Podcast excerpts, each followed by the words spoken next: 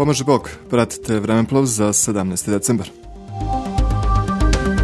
1794. godine u Beču je prestao da izlazi srpski list Slaveno-Sepskija vedomosti, koji je 1792. godine pod uticajem Dositeja Obradovića pokrenuo Stefan Novaković.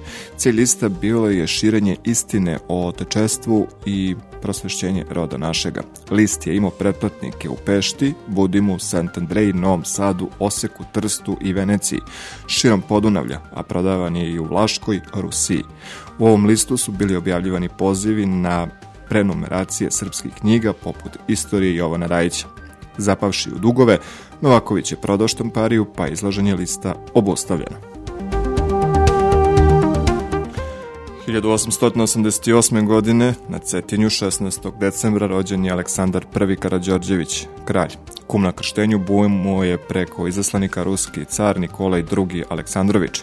Bio je regent prestolonaslednika Kraljevine Srbije od 1914. do 1918.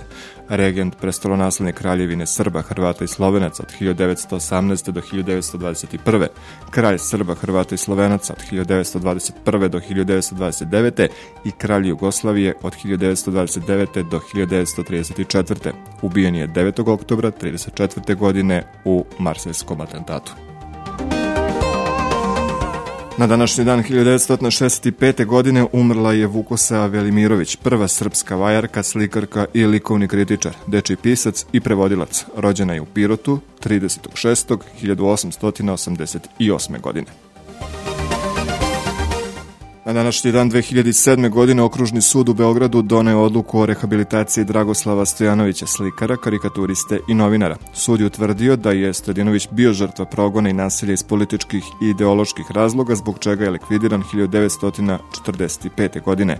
Stojanović je rođen u Aranđelovcu 1890. godine. Bio je saradnik lista Ošišani jež, autor je poznatog zaglavlja s ježom koji se ogleda u ogledalu.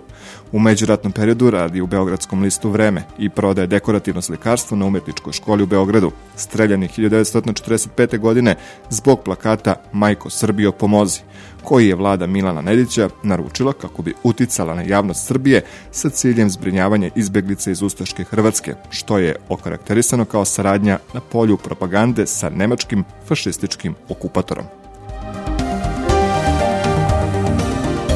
Pratili ste Vremeplov za 17. decembar na Radio Glas.